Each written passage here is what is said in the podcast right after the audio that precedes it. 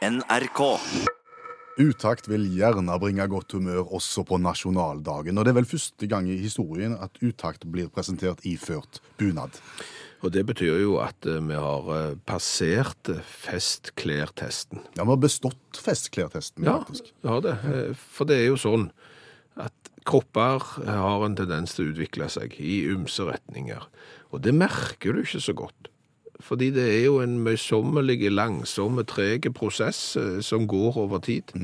Sånn at eh, om du en dag plutselig har eh, tatt beltespennet på olabuksa di ett hakk eh, ut i beltet, så, så merker du ikke det så mye. Det går seg til etter hvert, og klær utvider seg litt, og, og sånn.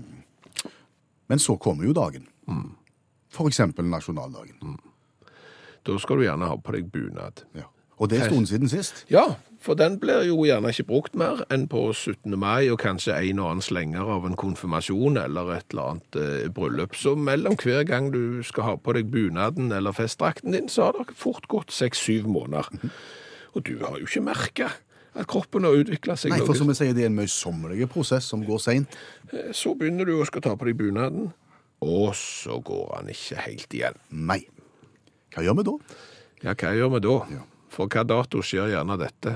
Det skjer jo gjerne tidlig på morgenen 17., eventuelt seint på kvelden 16. Og det er ingenting du kan gjøre med det. Nei. En del bunader eh, er jo utstyrt sånn at du ikke akkurat kan åpne den øverste knappen og prøve å lappe til med et belte, sånn at det ikke viser at du går med den øverste knappen oppe. Og, og, og det er vrient. Ja, ja, ja. Vester òg har jo en tendens til å krympe, føler jeg. Ja, De sitter ikke sånn over bringa som de en gang gjorde. Nei.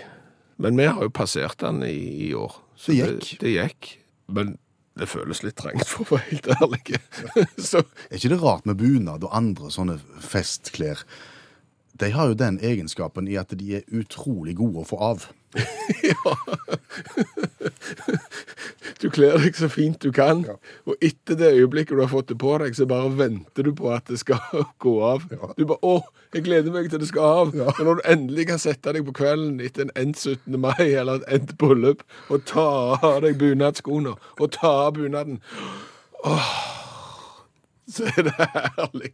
Ja, det er ganske spesielt. Ja, det er det. 17. mai-klær generelt er jo eh, spesielt, og, og kanskje da mest 17. mai-klær for barn og ungdom. For har du fått en bunad i voksen alder, så vil du prøve å beholde den bunaden og komme inn i den bunaden. Og derfor får jo ikke gutter på 12 år bunad, de får 17. mai-klær. Ja. Og 17. mai-klær er som du sier, det er jo en helt, helt, helt egen sjanger. Fordi at 17. mai-klær eh, må jo oppfylle to krav. Og de to kravene er litt vanskelig å kombinere egentlig. Ja, det er litt som å blande olje og vann. Ja. Mm. For 17. mai-klær skal jo være flotte og høytidelige og passende til nasjonaldagen.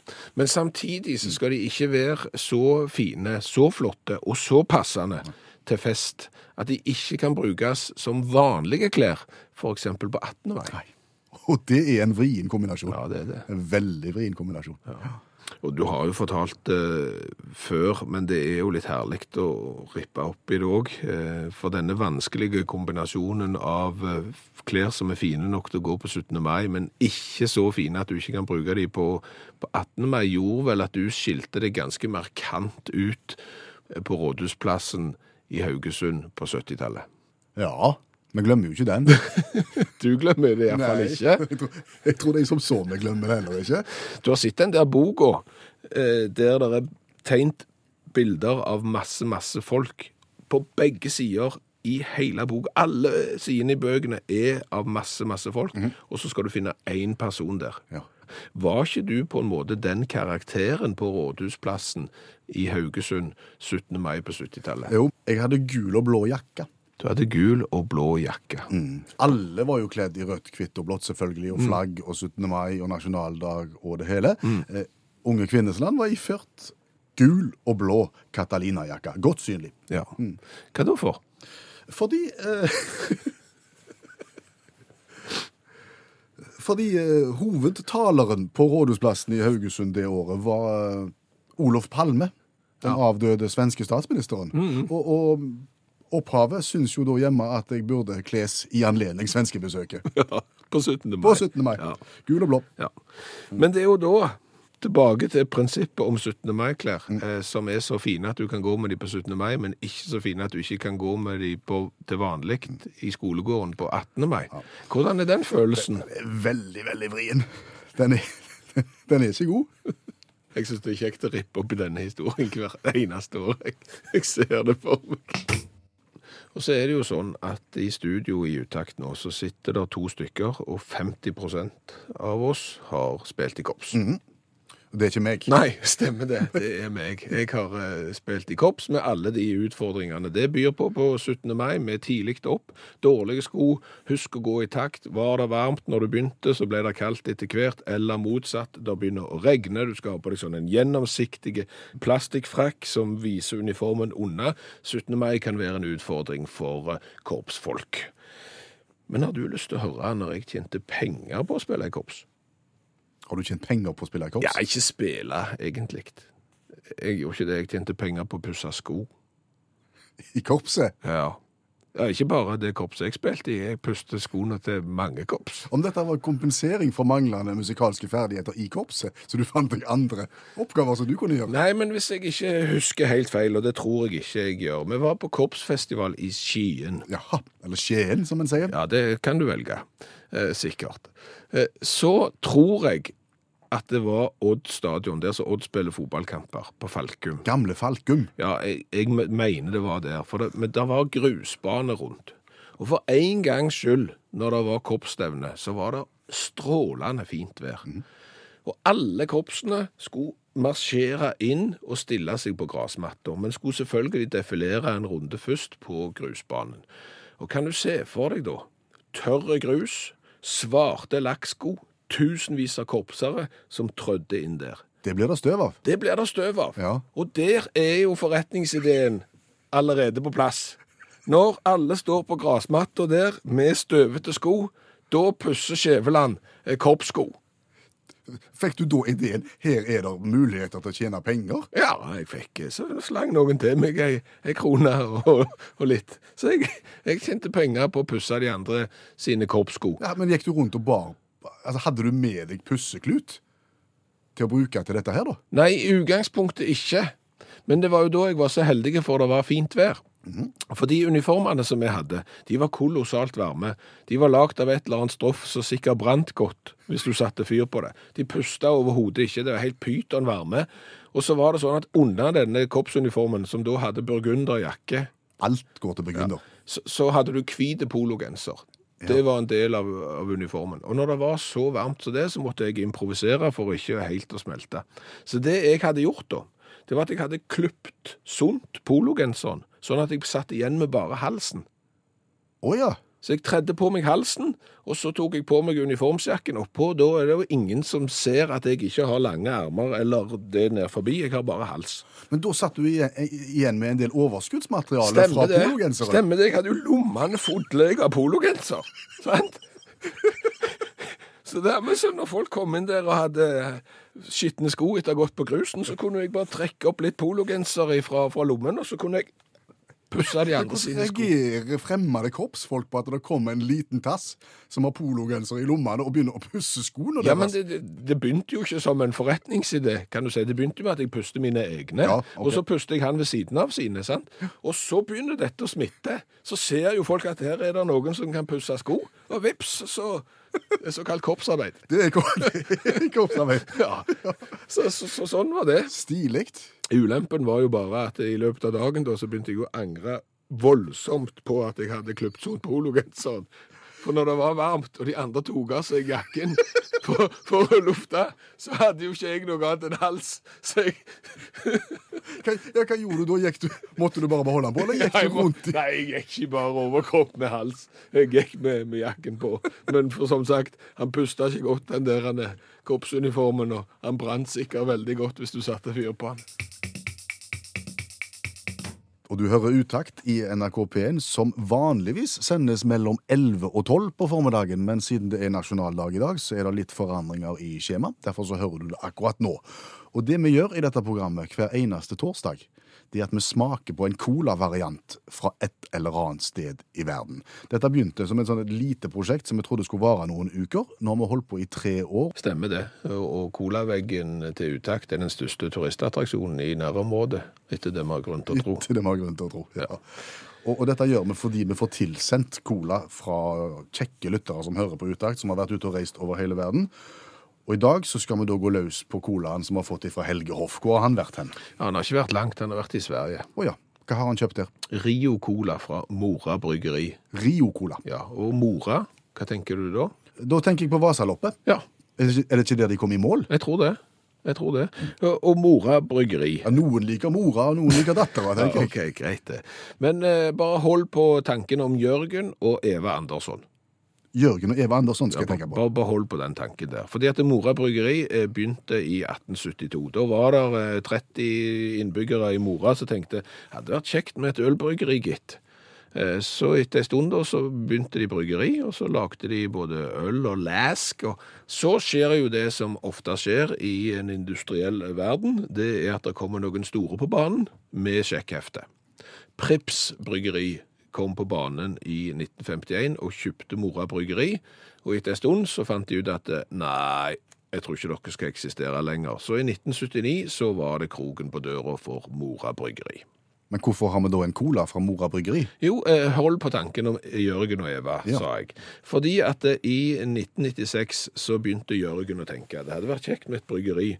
Nå har jeg brygd øl hjemme på kjøkkenet såpass lenge at kona har blitt leie og hever meg ut av kjøkkenet. Så jeg eh, begynner å brygge ute i boden. Så ble boden litt liten. Eh, Og kona syntes òg at boden ble litt liten, for hun hadde lyst til å gjøre noe annet der eh, ute. Eh, Og dermed så etablerte han et bryggeri. Og kalte det for Persgården. Persgården? Ja. Hvor er mora? ja, nå må du henge med. Ja, ja, ja. ja, ja, ja. Det går litt sent, så- dette. Ja, det går litt uh, seint, da. Men han begynte da å brygge øl og brygge brus på Persgården bryggeri. År 2000, da heiv han ut den første Mora-møsten. Og møsten det er sånn julmøst og påskemøst og sånt som svenskene. Sånn rare brus. Ja, den er ikke god. Vi har smakt den. Julmøst 2000, det var et møst. Da var Persgården bryggeri i god gang. Så oppstår Mora bryggeri igjen. I 2002-2003 så kjøper Perskåren eh, bryggeri opp navnet Mora bryggeri, fordi at da får de tak i alle de gode, gamle familieoppskriftene som fins. Og den Rio-colaen vi sitter med nå, Ja. var noe som ble produsert mellom 1950 og, og 1960-tallet en gang, og den oppskriften der har Mora bryggeri igjen begynt å bruke. Stilig. Ja. Og nå skulle, nå skulle dette vært fjernsyn, for nå skulle du sett denne her eh, flasken, for den er spesiell. Den er jo glass, punkt én. Ja, men det ser ut som det som vi kaller for murapils. Eh, Det er en eh, mørk glassflaske på 0,5 liter. Mureren var gjerne enda større. Så har han Rio Cola med litt røde og hvite bokstaver midt på, med et feiende flott gullmønster rundt. Ganske tøft og ganske retro, vil vi ikke si det? Jo, han ser ut som han er lagd mellom 50- og 60-tallet. Nå er jeg spent på om han smaker godt. Ja. For nå skal vi smake på brusen, og så skal vi gi karakter fra 1 til 10 først på smak, og så skal vi gi karakter på design. Flaske etterpå 1 til 10, og så blir det en totalsum til slutt. Og igjen så må vi få lov å advare om at eh, nå skal vi smake på denne brusen. Så lider du av misofoni og ikke tåler smattelyd på radioen, så skifter du til P2 i 15 sekunder fra nå.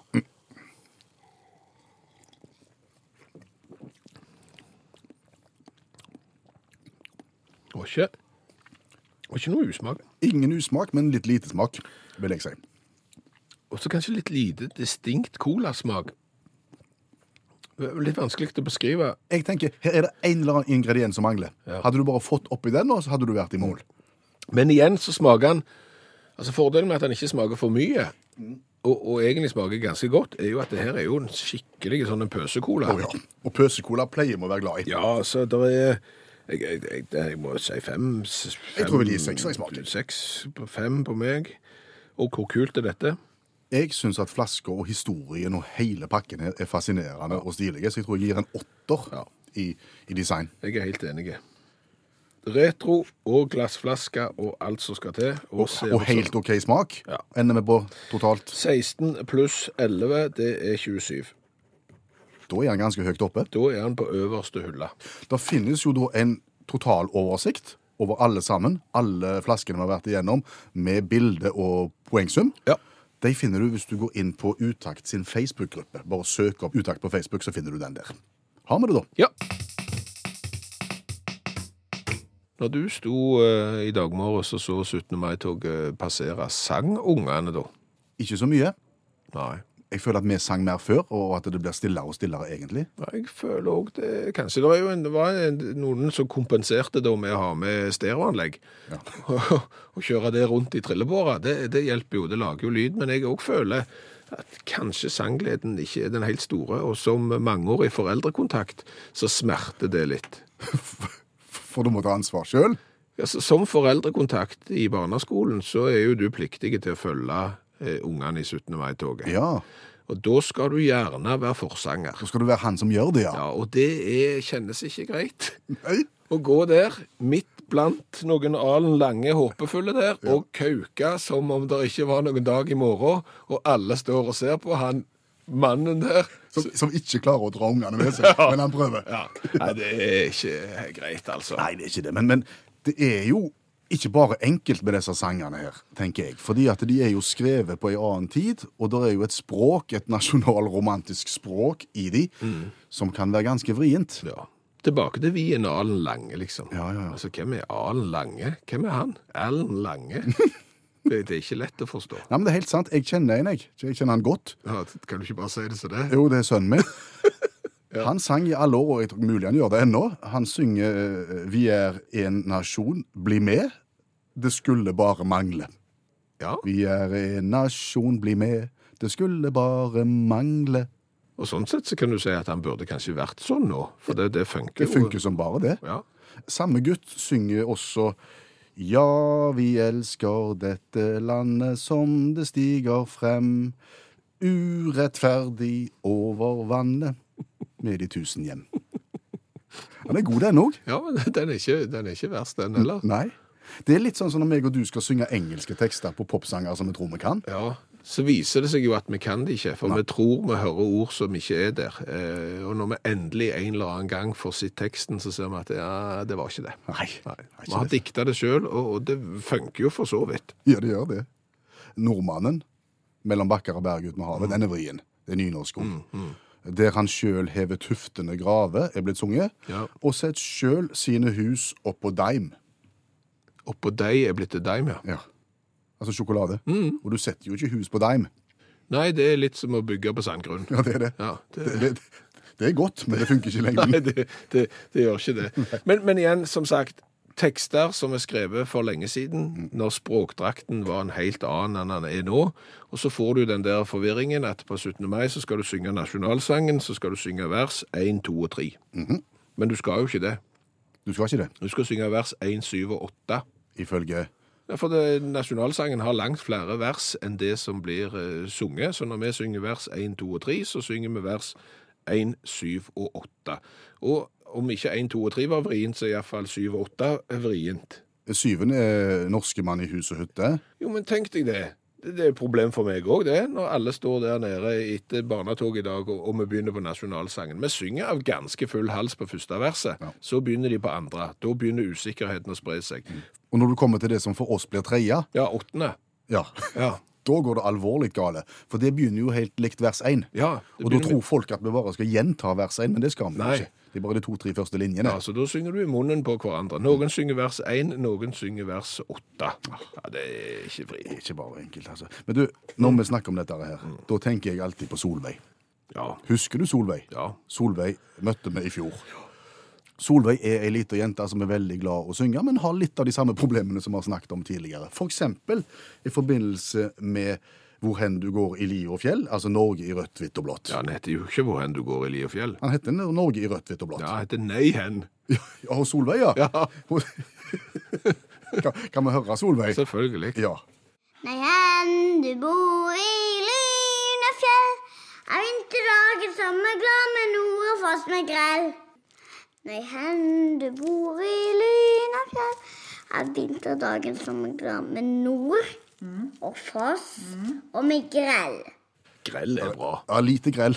Altfor lite grell i, i norsk populærmusikk. Kan du ta den en gang til, Solveig? Nei, hen du bor i Lynafjell, Er vinterdagen som er glad med nord og foss med grell. Når jeg tenker meg om, så kan 17. mai være en litt vond dag. Vonde dag. Ja. Fordi at du ikke hører hva elevrådsformannen sier når vedkommende har 17. mai-tale, fordi at høyttaleren legger noe gammelt rask som de har funnet i en gymsal. Det, ja, det, det gjør vondt, det òg. Ja. Men det var ikke egentlig det jeg tenkte på. Å nei, hva har du tenkt på? Eh, 17. mai er gjerne den dagen hvor voksne folk eh, slår barn. Hvorfor skulle noen slå barn på 17. mai? Ikke sånn slå. Ikke, ikke fysisk slå barn, selvfølgelig ikke. Nei, eh, det er den dagen der voksne folk gjerne slår eh, vinner over barn i konkurranser. Er det jo galt? Ja. Altså, skal du oppdra den oppvoksende slekt til å lære seg til at de vinner selv om de ikke er best? Sånn at hvis liksom bare du er liten nok, hvis du er seks-syv år, så, så skal du vinne i, i monopol, i trivial pursuit og i sjakk og alt det der andre, bare fordi du ikke er god nok. Du, du vinner det øyeblikket du er god nok. Du er sånn, du.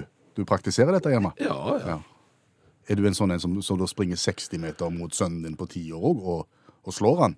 Det er ingen... Det er noe av det verste som Det er ingen tvil om at jeg er langt raskere enn eh, tiåringen min på, på 60 meter. Så du er en av de som springer over målstreken og, og jubler når du har slått en tiåring på 60 meter. Nei, jeg gjør ikke Det Det er jo det du sier du gjør. Nei, jeg gjør ikke det. Jeg Du vet- sier du skal lære de å tape. Ja, jeg vet jeg er raskere enn tiåringene på eh, 60 meter, men måten å løse det på, sånn at det ikke blir ugreit, det er jo bare å la være å stille opp. Så kan de få lov til å konkurrere med de jevnaldrende, og ikke med meg. eh, Men jeg vet jo at jeg er raskere innerst inne, og skal... skal...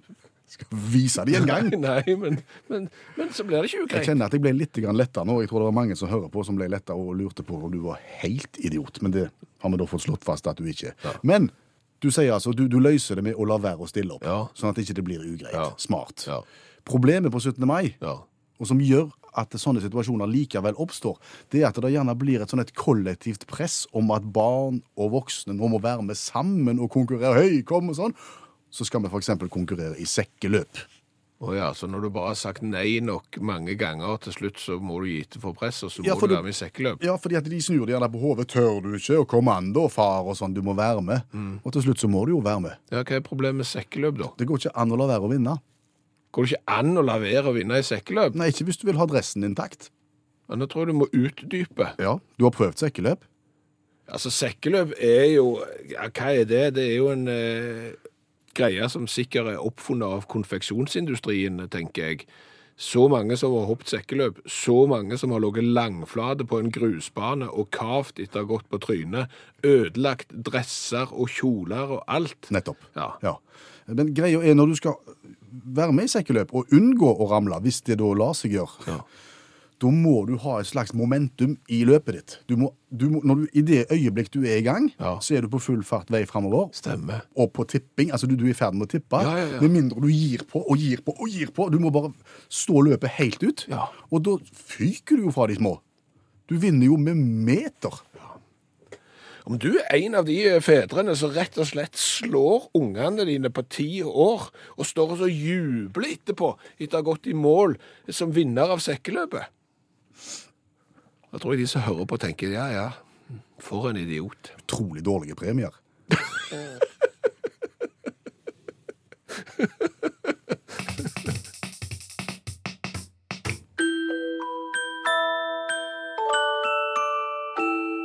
Utakt forteller fra gamle dager. Og gamle dager for utakt er sånn omtrent midt på 80-tallet. Og på 80-tallet ble det bedrevet smelling. Hva er smelling? Hvis du er vokst opp der jeg er vokst opp, i Stavanger, eh, så er det to typer smelling. Eh, Du kan eh, smelle noen, det vil si at du gjør de gravide, da blir du smelde, smelle noen på, på tjukken, eller så kan du ut og smelle. Med Med alt som eksploderer. Alt som kan settes fyr på, slås på, eller lage et brak og en eksplosjon, det er smelling. Er det den typen smelling på 17. mai vi skal snakke om nå, eller er det den første? Det er ikke å smelle noen på tjukken, nei. Vi skal snakke om den andre typen smelling. For 17. mai, når jeg vokste opp, det var en dag der ting skulle smelles. Det skulle smelles så tidlig som mulig, og så høyt som mulig. Jeg gikk til foreldrene mine og spurte hvor tidlig kan jeg få lov å stå opp på 17. mai. Ja, Du får iallfall ikke lov å gå ut før klokka fem. Klokka fem! Alle de tøffe guttene de har jo vært ute siden klokka to-tre i natt for å smelle. Og det var rett og slett om å gjøre komme seg ut, ta med seg kruttlapp-pistol, ta med seg trøknall og dragknall, ha en kompis som hadde vært eh, på sommerferie i Sverige og kjøpt kinaputter som han hadde spart helt fram til 17. mai, lage egne eksplosiver med svovelen på fyrstikkene, alt som kunne lage lyd og som kunne smelles, skulle brukes på 17. mai så tidlig som mulig. Hvor smalt dere? Det kom litt an på hva du hadde. Hadde du eksempel dragknall? Kjenner du til dragknall? uh, nei. Nei, Dragknall er en litt mer potente variant av kransekakesmellbonbongen. Å ja. Det er en liten eh, 4-5 centimeter knøttliten kinaputtaktig med tråder i hver ende. Når du dro i trådene, så smalt det. Akkurat. Den kunne du for eksempel legge oppi en tulipan.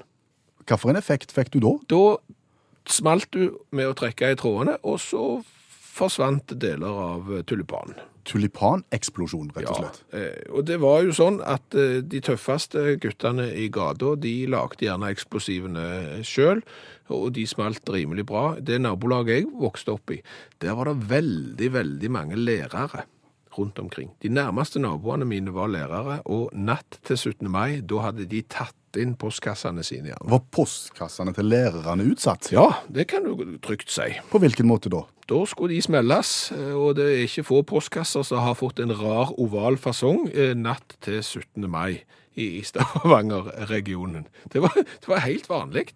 Det er jo bare pøbelskap, og det er jo bare hærverk, ser jeg jo nå i ettertid.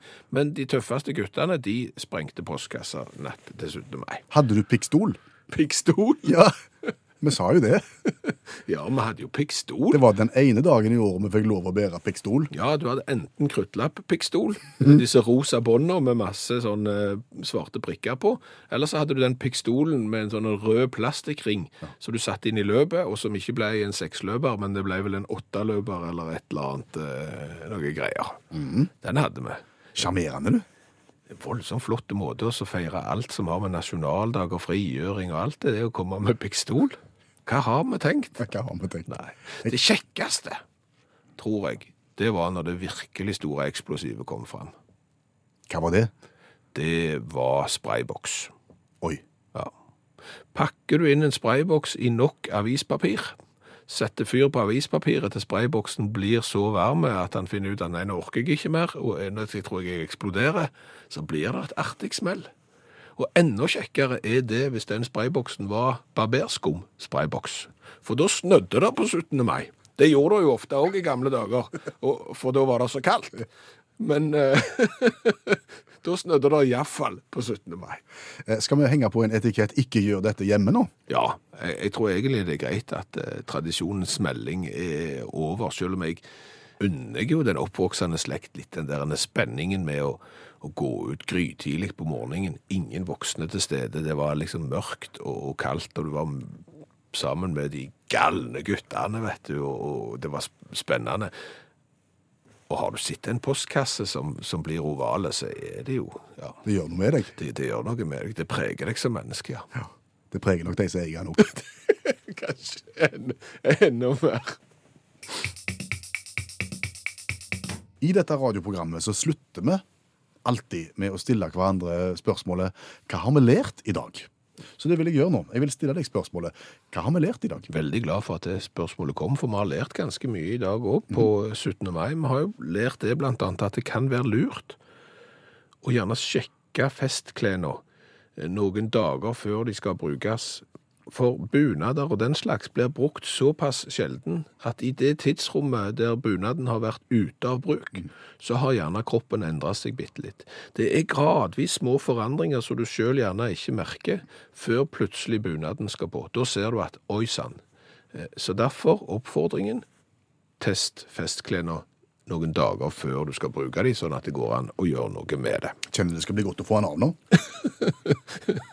Bunad er et av de klesplaggene som er ikke gode å ta på, best å få av. Så har vi vel lært det at Solveig sin versjon av Norge i rødt, hvitt og blått kanskje er Norges beste. Nei, hen du bor i Lynefjell. Er vinterdagen sommerglad med nord og foss med grell. Vi heier på Solveig. Ja til mer grell. Og så har jeg jo lært det at skal du til Sverige, til Mora eh, Mora er jo der du kommer i mål etter å ha gått eh, Vasaloppet, det går svært mange nordmenn, så er det ingen eh, usmak på Rio-colaen fra Mora bryggeri, så den kan du trygt eh, prøve deg på. Eh, anbefales. Eh, så har vi jo òg lært det at du slår ungene dine i sekkeløp på 17. mai. Ja, jeg gjør det. Og det skyldes ikke fordi at jeg syns det er så kjekt å vinne. Det er fordi at jeg vil unngå å dette og ødelegge adressen min. Derfor så får jeg et voldsomt moment framover. Som gjør at jeg dessverre vinner gang på gang på gang. på gang. Men premiene er gjerne under enhver kritikk. Det må jo bare. Sjarmerende voksen mann som slår ungene sine i sekkeløp, ja. Ja, ja. Ja, når du sier det sånn, så høres det ikke bra ut i det hele tatt. Jeg skal, jeg skal tenke meg litt om neste gang. Lover. Kan du ikke bare la være å stille opp? Da vinner du ikke. Ja, jeg, jeg tror det. Vel, det var Utakt 17. mai. Jeg heter Per Øystein Kvindesland. Jeg heter Bjørn Olav Skjæveland. Veldig kjekt at du hørte på oss. Nå håper vi at du får en flott nasjonaldag videre i Norges vakreste land. I Norges vakreste land. Det blir ikke vakrere, sa du. Å nei. Okay. Med foss og grell og alt. Hipp hipp hurra. Hør flere podkaster på nrk.no podkast.